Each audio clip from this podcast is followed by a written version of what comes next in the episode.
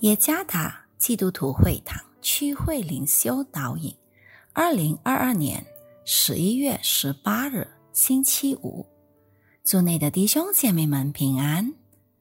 今天的灵修导引，我们将会借着圣经诗篇三十篇第一到第四节来思想今天的主题：基督门徒的新歌。作者。陈良春传道诗篇三十篇第一节，大卫在献殿的时候作这诗歌：耶和华，我要遵从你，因为你曾提拔我，不叫仇敌向我夸耀。耶和华，我的神啊，我曾呼求你，你医治了我。耶和华。你曾把我的灵魂从阴间救上来，使我存活，不至于下坑。耶和华的圣名啊，你们要歌颂他，称赞他可纪念的圣名。印尼的信徒创作了不少属灵的诗歌，然而有一首非常独特的诗歌。在每句诗词的开头所用的字母，若从开头到结束把它组合起来，就形成了作者的名字，那就是 Jonathan Pravira。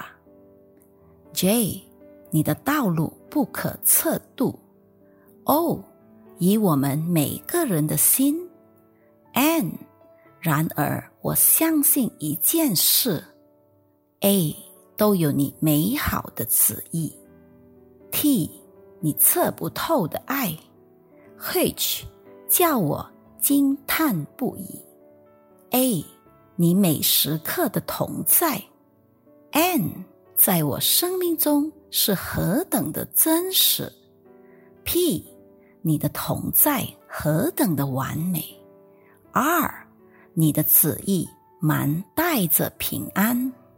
A 和平与安详，W 即使在暴风雨中，I 我愿永与你在一起。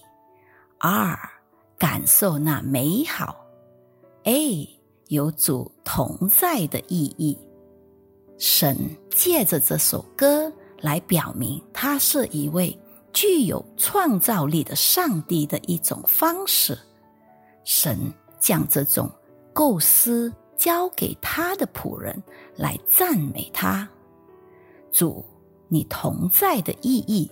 这首歌是在一九九八年，当生活面对危机时创作的。面前的疫情是个黑暗的时期，我们虽不明白上帝的道路和他的意念。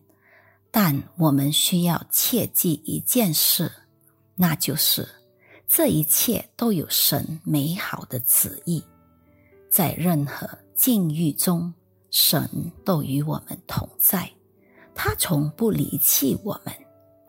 诗篇三十篇是大卫描写他在阴暗压力环境下的经历，虽然他不明白。上帝的同在给他带来了安全感，同时也证实了他所认识的上帝始终与他同在。即使他处于危险之中，无所不在的上帝在每一个事件中都显出他的同在。对于身为基督徒的我们，这是一个有力的保障。应当持守自己与基督在一起，活在和平安详中。我们一生无论遭遇什么，当记得神是满有慈怜的上帝。二零二二年当中，神的同在叫我们惊叹不已，继续尽力上帝的同在。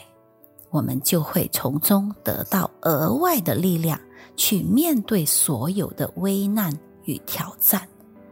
虽然我们软弱，但拥有我们的上帝却是蛮有能力的神。